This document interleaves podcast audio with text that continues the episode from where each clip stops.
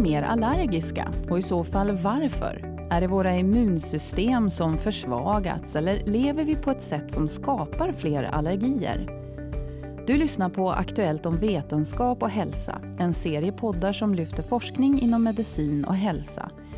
Jag heter Tove Smeds och med mig i studion har jag Leif Bjärmer, professor vid Lunds universitet och överläkare vid Skånes universitetssjukhus. Välkommen hit Leif. Tack så mycket. Hur är det, blir vi mer allergiska? Ja, det verkar så. Framförallt om du ser det i ett lite längre perspektiv. Mm. Absolut.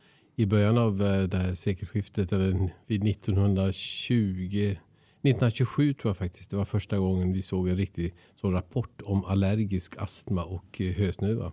Det var så ovanligt som man skrev alltså artiklar om det. Nu för tiden är det väldigt vanligt. Det drabbar kanske upp till en tredjedel av populationen. Men varför blir vi mer allergiska då? Ja, det är många som spekulerat på det. Men den, så säga, den dominerande teorin idag då, det är att det har att göra med våra livs, alltså livsstilsfaktorer. Hur vi lever, hur vi äter, hur vi bor. Och hur har det förändrats? Vad kan man säga om, om den förändringen? Ja, det som har skett är ju att vi kanske, eh, som en del uttrycker det, förena. Man kan inte städa bort allergi. Och jag brukar säga det att immunsystemet det måste tränas. Och jag, jag, en liknelse, du kan tänka dig om, om du ska undvika benbrott. Så den optimala lösningen är inte att bli liggande i sängen från det att du föds. Utan du måste upp och gå och se till att stärka din benstomme. Precis samma sak är det med vårt immunsystem. Det måste tränas från början. Och vi är ju födda med ett immunsystem som ska hantera då allt runt omkring oss. Bakterier, virus, mikrober. Och um, därför måste vi exponeras för det och tidigt. Så att vi lär oss hur vi ska göra. Hur ser det ut i samhället idag då? Är vi, är vi så att vi kanske jag tänker på den här förändringen som har skett, att man kanske är inomhus och mm. lite grann så. Är det är sådana faktorer som påverkar? Ska man egentligen se till att vara utomhus mer? Eller vad kan man göra för att träna immunsystemet? Ja, jag tror det är en bidragande orsak och det är att vi spenderar alldeles för mycket tid inomhus. Och där är ju ett oroande tecken, inte minst om vi ser på våra barn som sitter framför dator och podd och eller sitter i soffan eller ute i skogen. Ja. Så det är ett problem. Hur är det med det vi äter idag? Då? Det har ju också förändrats en del. Påverkar det allergier? Har man sett något sånt? Eller vad tror du om det? Ja, det kan vara så. Jag, det finns ju jämförande studier där man har, har, alltså en sak är ju att titta inom det ena landet och då försöker man se vad folk äter och se relatera det till om någon med en viss eh, matstil har mer problem än andra. Men det, det är så många andra faktorer som inverkar där. Så eh, för att få liksom en, en, bättre bild så är det bättre att jämföra med hur det ser ut i andra länder. Så där man har en helt annan kultur. Och det finns jämförelser mellan Sverige och, eh, Baltikum. Mellan Finland, eh, Sverige och eh, baltiska länderna. Och där har man bland annat tittat på mat och vanor och hur man exponerar sig. Och det man ser där det är ju att Karelen till exempel där man äter väldigt mycket fermenterad, alltså jästa grönsaker och mat och sånt där. Och där har man en betydligt lägre eh, allergifrekvens. Jag tänker också när vi ändå är inne på att prata om mat så finns det idag många föräldrar som kanske är oroliga för att ge sina barn nötter och mm. att man tänker lite grann så för man är orolig för allergier mot nötter. Hur, hur fungerar det? Ja, där har det verkligen Alltså hela kartan är vänd 180 grader under de sista åren. här. Det finns faktiskt studier där man prövar och ser vad händer om man istället för att undvika allt faktiskt exponera sig. Där eh, mödrar då uppmuntras att äta jordnötter och nötter och sånt där under graviditeten. Där är det lite spännande. Det verkar som att till exempel, eh, vi vet ju, det är gjort en jämförelse mellan Israel och eh, England, London. Och då vet vi i Israel, där exponeras barnen för jordnötter oerhört tidigt. De har ett speciellt jordnötsgodis som heter Bam Bam. Som ser ut som någon slags popcorn med jordnötssmak. Och det, det äter ju barnen sen de är under ett år gamla. Va? Och där är alltså, trots detta så är jordnötsallergi väldigt, väldigt ovanligt. Medan i England så har man då en mycket hög frekvens av jordnötsallergi och också svår, alltså eh, farlig mm. jordnötsallergi. Och det man ser där det är ju att man har prövat att undvika jordnötter för att eh, undvika allergi. Och det som har skett är att bli, man får en tvärtom effekt. En annan sak det är också att eh, man, har, man smörjer barnen och har smort dem med jordnötsolja. Bland annat i, i England. Och det verkar som att den kanske den här sensibiliseringen som man får genom huden är väl så viktig som det man får i sig i tarmsystemet. Så får vi det när vi äter det så utvecklar vi en naturlig tolerans. Men vad är det då som händer i kroppen när vi utvecklar en allergi? Ja, det som händer det är ju egentligen att man, att man eh, aktiverar det här akuta försvaret som vi har. Det är ju så att eh, vem som helst ska ju kunna reagera akut om vi utsätter oss för någonting som är väldigt farligt. Jag menar, tänk dig själv, du kommer in i ett rum med mycket farliga ämnen. Va, som, och istället för att andas in det och få skada så, så ska ju kroppen reagera direkt. Du ska stänga av, du ska sluta andas, du ska genast avlägsna dig därifrån. Problemet är ju när det här sättet att reagera um, inträffar även då i ganska så att säga, milda situationer. Som, där du, det egentligen, kroppen ska ta hand om allt du andas in men det ska ske på ett lugnt, smidigt, tyst sätt. Och så sker det ju vanligen hos de flesta. Men så finns det en del som överreagerar då. Man har alltså en, en hyperkänslighet och en, ett, eh, en ökad benägenhet att reagera med sådana här, det kallas för straxallergiska reaktioner. Går det att träna bort en allergi eller kan man göra någonting för att minska sin allergiska reaktion? Ja, först, eh, det är helt klart att eh, det är visat då att eh, om vi tittar på risken att utveckla astmaallergi så finns det fler faktorer. Dels så är det visat i en studie att till exempel om man utsätter sig för mycket laktobaciller, alltså man får en annan tarmflora redan från början, så skyddar detta. Det har man sett. Man har gett alltså laktobaciller till högriskmödrar. Alltså där man vet att risken är väldigt stor att barn blir allergiska. Så har man gett dem laktobaciller ehm, eh, sista halvåret under graviditeten. Och sen så har de fortsatt att äta då laktobacillyoghurt under första halvåret. Så där har man faktiskt kunnat halvera risken för barn att få allergi. Det andra är då vad man exponerar sig för. Alltså det visar sig att barn som, föd, som, som blir uppvuxna på bondgårdar och exponerar sig för mycket gödsel och det som vi kallar för bakterieendotoxiner, alltså produkter från bakterier. Där har man sett att eh, risken för att utveckla allergi är, är väldigt liten. Bland annat en studie från Schweiz där man så, tittar på de här barnen där alltså mammorna som jobbar på ladugården de tog barnen med sig ut och de låg i, i vaggan i princip i stallet. Eh, där var förekomsten av allergi nästan noll. Så det gäller så att exponera sig för, för sådana bakterietoxiner och sån miljö tidigt. Och ju tidigare desto bättre. Så man kanske ska ta och skaffa katt då? Ja, eh, många kommer ju och frågar till exempel om du har du vet att du har mycket allergi i familjen och, och, och så ska du få barn. Och, och, så kommer du då och frågar, ja men hur är det nu? Är det risk för oss? Och, och ska, vi, ska vi låta bli att skaffa hund eller katt? Vi älskar ju pälsdjur till exempel. Och eh, den tidigare så har det bombastiskt varit liksom att nej, ni ska undvika allt sånt. Och ni ska inte ha en massa kosedjur som samlar på sig. Eh, utan här ska det vara rent och fint. Och det är ju helt tvärtom vad man ska rekommendera. Så att eh, flesta säger att ja, om du blir exponerad för hund och katt väldigt tidigt så finns i alla fall så går det inte att säga att man ökar risken utan det finns en stor chans att man faktiskt minskar risken.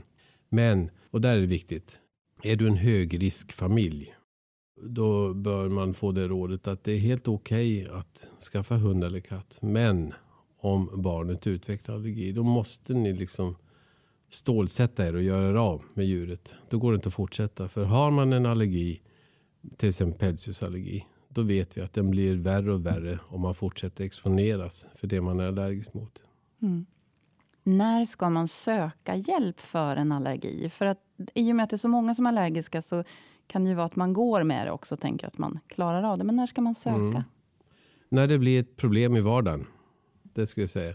Eh, tyvärr är det allt för många som går omkring och, och tycker att eh, ja, det är väl någonting man får leva med. Och, och allergi nonchaleras lite grann. Som, sånt som ja, det är pjosk om man klagar.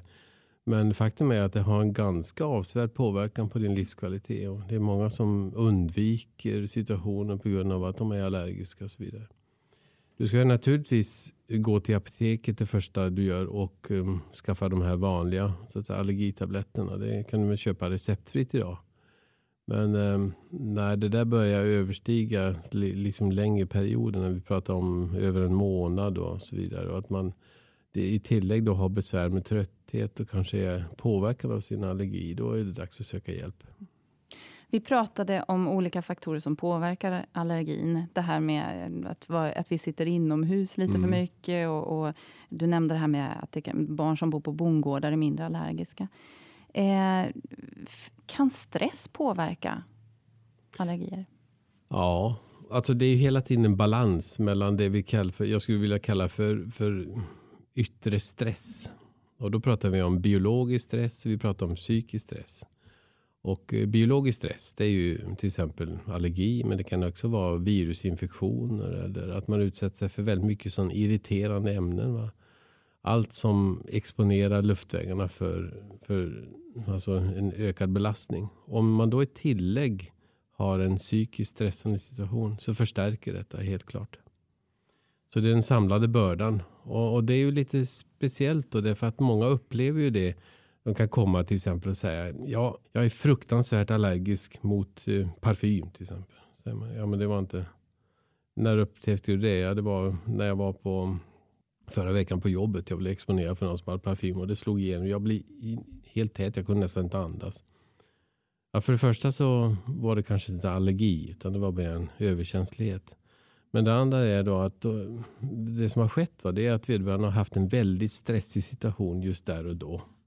Eh, har haft lite sviter efter en eh, luftvägsinfektion som inte riktigt har velat ge sig. Det är pollen och sånt i luften. va. Och så kom den här lilla extra biten ovanpå. Och då var det det som fick eh, liksom bägaren rinna över. Och då märker man bara det här sista. Och man tänker inte på de andra sakerna som behövdes också. För att hade det varit en annan situation utan infektion, utan stress så hade parfymet inte gjort någonting. Så att um, det är det som man måste förstå sitt eget mönster. Vad tål jag? Till vilken gräns kan jag så att säga bli exponerad innan jag får problem? Har det hänt någonting, om vi pratar lite grann om forskning eh, på det här med allergier. Har det hänt någonting under de senaste åren som hjälper oss att förstå allergier bättre? Eller vad, är, vad, är, vad ligger forskningsfronten? Ja, forskningsfronten är på fler. Vi har lärt oss att förstå mekanismerna bakom hur allergi utvecklas. Och det är ju som jag sa, det är ett väldigt komplext mönster mellan det vill säga då alltså biologisk stress, det vill säga då virusinfektion och allergier. Vi har ju sett till exempel att eh, de som risk... Eh, förut så sa man ju oftast att ja, men astma och allergi det har ju många då, men man brukar växa ifrån det. Och det är ju sant. Alltså, det är många som blir av med sina besvär i tonåren. Och så är det de som fortsätter då längre fram. Och då ser man ju att eh, det är just de som så att säga bygger upp sitt immunsystem på ett visst sätt eh, med en kombination av bland annat virusinfektion och eh, allergi som gör då att man fortsätter att få en kronisk astma. Medan de som inte har till exempel allergi, de, det brukar försvinna. Då. Man växer ifrån det. Och sen har vi en annan situation där man då kan eh, man har inga som helst problem. Man lever som glatt hela livet fram till man blir medelålders. Och så plötsligt, så nästan över en dag, så debuterar man med väldigt svår astma. Och det är helt andra mekanismer som ligger bakom där. Så att eh, här håller man på och eh, försöka identifiera vad det är för immunologiska mekanismer som, som är nyckelmekanismer om man kan göra någonting åt det. Och det vi har sett idag då, är att vi får, har fått mer och mer så kallade biologiska läkemedel. Det vill säga då eh, läkemedel då som riktar sig mot en specifika immunologiska mekanismer. Tyvärr är de väldigt dyra idag. Då, så att det gör att man bara får använda dem på väldigt svåra patienter. Men jag menar, utvecklingen går framåt och förhoppningen det är ju att vi ska kunna ha då en repertoar av medicin i framtiden som vi kan då göra så kallad sjukdomsmodifierande behandling. Det vill säga att vi kan starta och förhindra utvecklingen i negativ riktning. Jag tänkte fråga en till sak som det oftast eh, pratas om när det gäller allergier och det är ju amning. Ja. Eh, hur, hur, eh, hur är det där? För man pratar om att det brukar skydda mot allergier. Ja, det gör det också i de allra flesta fall. Det, när det gäller graviditet och amning. Så, först så vet vi att det är, är naturlig födsel så att säga, är, minskar risken jämfört med kejsarsnitt. Och en av anledningarna där kanske är att, man, att barnet så att säga, får då, blir, blir faktiskt kontaminerad redan i, i, när de föds. Så de, de tar över så att barnets tarmflora blir exakt samma som mammans. Det verkar vara bra. Det är flera andra mekanismer också. När det gäller amning så i de allra flesta fall så skyddar det för att barnet fortsätter att ta emot så att säga immunceller och eh, nyttiga ämnen från mamman. Men det finns i enstaka tillfällen där det faktiskt är negativt. Det vill säga om mamman är hyperallergisk och har väldigt mycket, så att säga, ett väldigt hissigt immunsystem så kan en del av det här föras över till barnet. Så det finns eh, de situationer där amning faktiskt ger ökande besvär. Ehm, och då får man vara lite observant på det. Då. Men eh, som regel, som grupp, så är amning eh, skyddande, absolut. Mm. Du nämnde när vi träffades inför den här intervjun mm. om en studie mellan Öst och Västtyskland. Ja, eh, det är ju lite spännande. Då. Det, har, det har gjort alltså, en studie gjordes först på 80-talet där man gjorde en jämförande studie mellan eh, Västtyskland och Östtyskland. Och där ville man bland annat koppla risk för allergi och, och, astmautveckling då, till eh, olika yttre miljöfaktorer. Och där jämförde man bland annat eh, Hamburg som är då en modern storstad i Västtyskland och Dresden som ett av de här östtyska städerna där det är ganska mycket industri och, och skitig luft. Och de förvånande resultaten var ju att risken för astmaallergi var högre i det så kallade rena Hamburg jämfört med det mer skitiga Östtyskland. Då. Och det var en av de här sakerna som så att säga också eh, kunde associeras till den här så kallade hygienteorin. Eh, sen finns det ju många olika förklaringar till det här. Det, man tänkte sig att eh, det hade att göra med genetik till exempel. Om, man, om du får allergiska barn så kanske du tycker det är så jobbigt så du bara inte, får för många, eh, inte skaffar så många barn och så vidare. Men sådana här faktorer det, det liksom kan man helt bortse ifrån. För att det som har skett sen då, det är ju att i och med att Östtyskland gick upp i Västtyskland så har man mer och mer anammat den västtyska livsstilen. Och då har så att säga, förekomsten av astmaallergi ökat betraktigt. Så nu är de i princip lika. Så det har någonting med eh, livsstilsfaktorer, hur, vad man äter och hur man, hur man bor och hur man lever att mm. göra. Mm. Tack så jättemycket för att du kom hit Leif. Det var mm. intressant att höra. Vi ska fortsätta att prata allergier men nu skiftar vi fokus lite grann till kontaktallergier. Den allergiska reaktion som vi talat om hittills handlar om snabba reaktioner där mastcellerna spelar en avgörande roll. När de upptäcker ett ämne som kroppen uppfattar som farligt så reagerar de blixtsnabbt med att släppa ut olika inflammatoriska ämnen, till exempel histamin. Och de påverkar slemhinnorna i kroppen och det är då vi nyser och får svullen näsa, tåriga ögon och svullna luftvägar. Vid kontaktallergi är reaktionen mer långsam där andra vita blodkroppar i immunsystemet reagerar mot främmande ämnen. Det tar ofta lite längre tid innan symptomen visar sig varför det också är lite svårare att komma på vad man reagerat emot. Välkommen hit Cecilia Svedman. Du är docent vid Lunds universitet och överläkare vid yrkes och miljödermatologiska avdelningen vid Skånes universitetssjukhus i Malmö. Tack så mycket. Trevligt att vara här. Du är expert på kontaktallergier. Och vi hörde ju här hur Leif Bjermer berättade hur livsstilsfaktorer kan påverka allergier. Gäller det även vid kontaktallergier? Kontaktallergi är ju en annan sorts allergi. Ehm, det är en typ 4-reaktion och det som Leif har pratat om handlar ju om typ 1-reaktioner där genetik har en större betydelse och där vi då har hört även miljön är viktig. Medan däremot för kontaktallergier så är det ju så att huden är gjord som en barriär, eh, men kan ett ämne komma in så är det också meningen att vi ska kunna känna igen det som något främmande. Och eh, om ämnet då har de rätta förutsättningarna så kan vi alla få en allergi, en kontaktallergi. Men så länge vi inte möter ämnet i tillräckligt stor mängd så har vi inget problem med det, utan det är bara som ett minne på samma sätt som vi minns människor vi har mött. Men om man exponeras tillräckligt mycket, precis som när man exponeras för människor som man inte gillar så bra. Om man exponeras väldigt mycket så reagerar man och då reagerar huden med en eksemreaktion vanligen. Så det ger eksem till skillnad också från det som vi vanligen pratar om vid typ 1-reaktioner. Du och dina kollegor på hudkliniken ni arbetar nästan lite grann som detektiver när ni möter patienter som har såna här kontaktallergier. Kan du berätta lite grann hur ni går tillväga för att reda ut? Vi har fördelen att arbeta i team eh, eftersom vi är ju doktorer, de som träffar patienten, men samtidigt så vill vi vara nära en kemist som är expert på vad vi e-, exponeras för i miljön. Så när man kommer till oss och har ett eksem om man tror det beror på någonting i miljön eller doktorn kanske misstänker det. Så är det vår uppgift att försöka mm, som detektiver då se vad man har varit exponerad för och sen så har vi kemisten som kan hjälpa till att bedöma hur viktiga de här ämnena kan vara. Eller om man kanske inte kan testa produkten som patienten misstänker som den är utan måste testa den i delar. Då måste man ha en kemist som hjälp.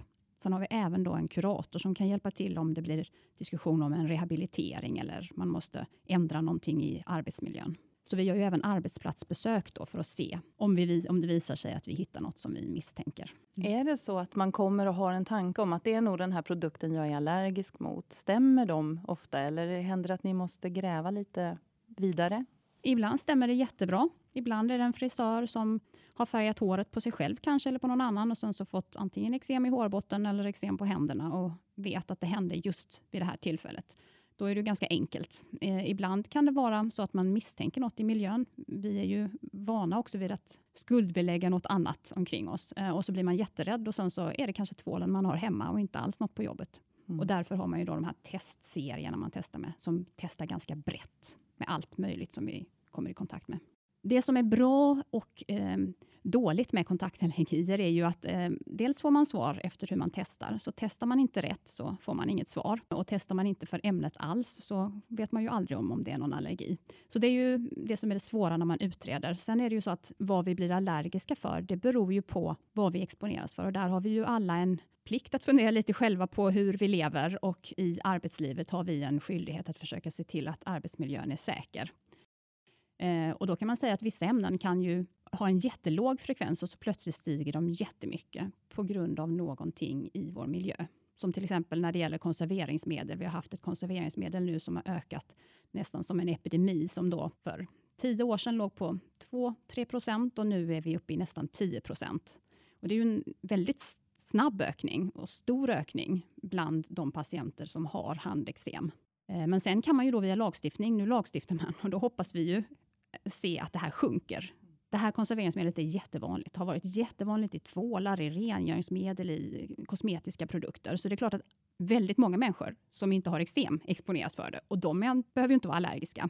Medan däremot de som har eksem som kommer till oss, det är ju de vi undersöker. Och bland dem har det varit den här lavinartade ökningen får man ju säga, av det här konserveringsmedlet metylisothiazolinon. Då. Men då får man nog tänka sig att det finns självklart en eh, icke testad grupp som inte har några besvär som har blivit sensibiliserade. Men de möter inte ämnet i tillräckligt hög nivå så att mm. säga. Det går ju en hel del trender inom skönhet och mode och vi förlänger våra ögonfransar och vi färgar vårt hår och nu, just nu så verkar det vara populärt att gå barfota i skorna. Eh, märker ni av att det här påverkar kontaktallergierna? Det är ju det som är så spännande det gör det.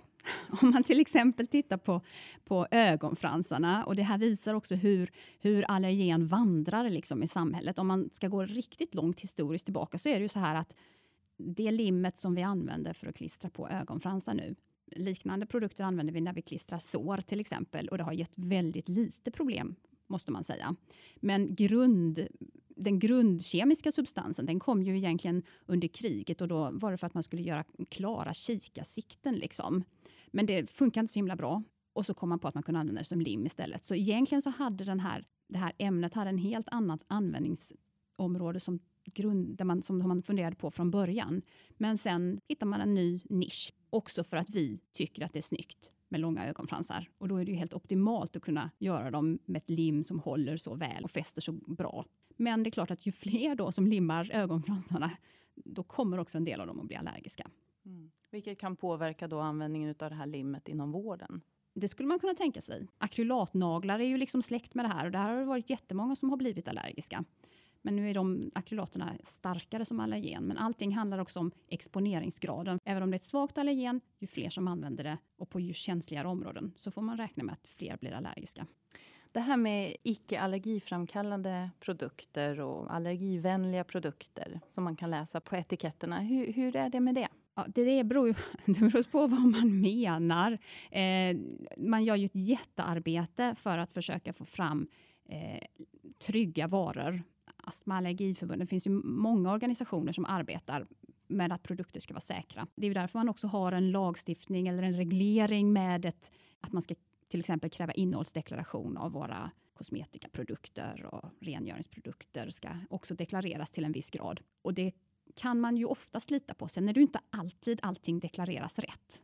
Men vad gör ni då om ni hittar något i, i en produkt som inte är deklarerat? Det beror ju lite på vad det är för sorts produkt. Då. Man kan ju eh, meddela till Läkemedelsverket till exempel, om det nu handlar om vissa produkter som människor ska ha på huden. Det finns ju, det finns ju inget intresse för de som producerar saker att de ska vara farliga, utan det är ju snarare så att de brukar ändra sig väldigt snabbt, för det ligger ju absolut inte i, i sälj eh, det är inte fler som, som köper en produkt om man vet att den är farlig. Liksom. Eh, och ibland kan det också bara vara ett, ett tillfälligt misstag. Man har kvar samma förpackningar men man har bytt konserveringsmedel och så, så tänker någon sig inte för i produktionskedjan. Så det behöver ju inte vara något medvetet feldeklarerat. Mm. Och sen är det naturprodukter som ju ibland kan vara väldigt svåra att deklarera mm. eller när vi använder naturämnen. Men det där med naturprodukter, en del är ju oroliga för alla konstgjorda ämnen som vi har omkring oss och tänker att naturprodukter, då köper jag sådana, då är jag liksom säker.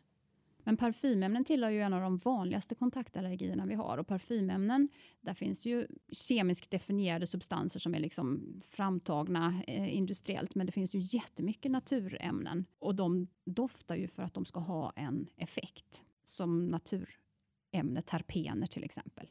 Men de är ju reaktiva och de kan ge oss allergier. Så att någonting som, som ser snällt ut behöver ju inte vara det ens i naturen då finns det ju den här patienten som jag hade, det var en dam som arbetade inom vården och som var, fick ett väldigt besvärligt ansiktsexem egentligen som eh, grundproblem.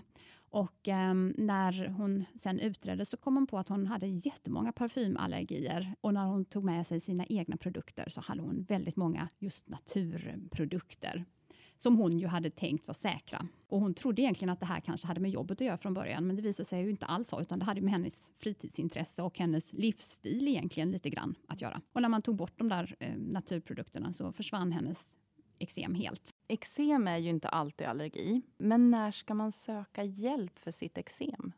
Nej, eksem är inte alltid allergi. Eh, men man kan säga att eftersom de personer som har eksem, kanske redan från barnaåren, eh, har en skörare hudbarriär, kan vi väl förenklat säga, så kan man väl säga att det är aldrig fel att en människa som har eksem ända från småbarnsåldern ska testas någon gång, bara för att se så att man inte har skaffat sig några kontaktallergier. Eftersom om man har en, en mer trasig hudbarriär så kommer det in mer ämnen rent praktiskt.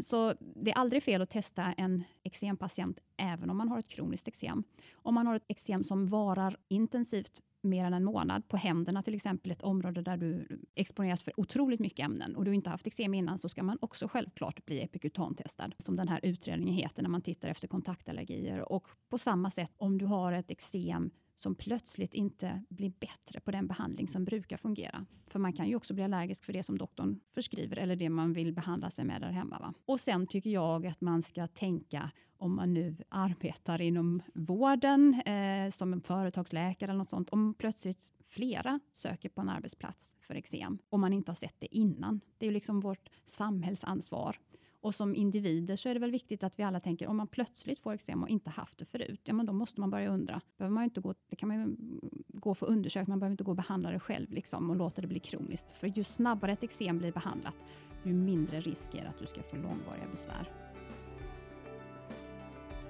Du har lyssnat till en poddserie om forskning som produceras av redaktionen vid Aktuellt om vetenskap och hälsa Inspelningsproducent George Godfrey, Skånes universitetssjukhus. Mer information finns på vetenskaphalsa.se. Du kan också följa oss på sociala medier.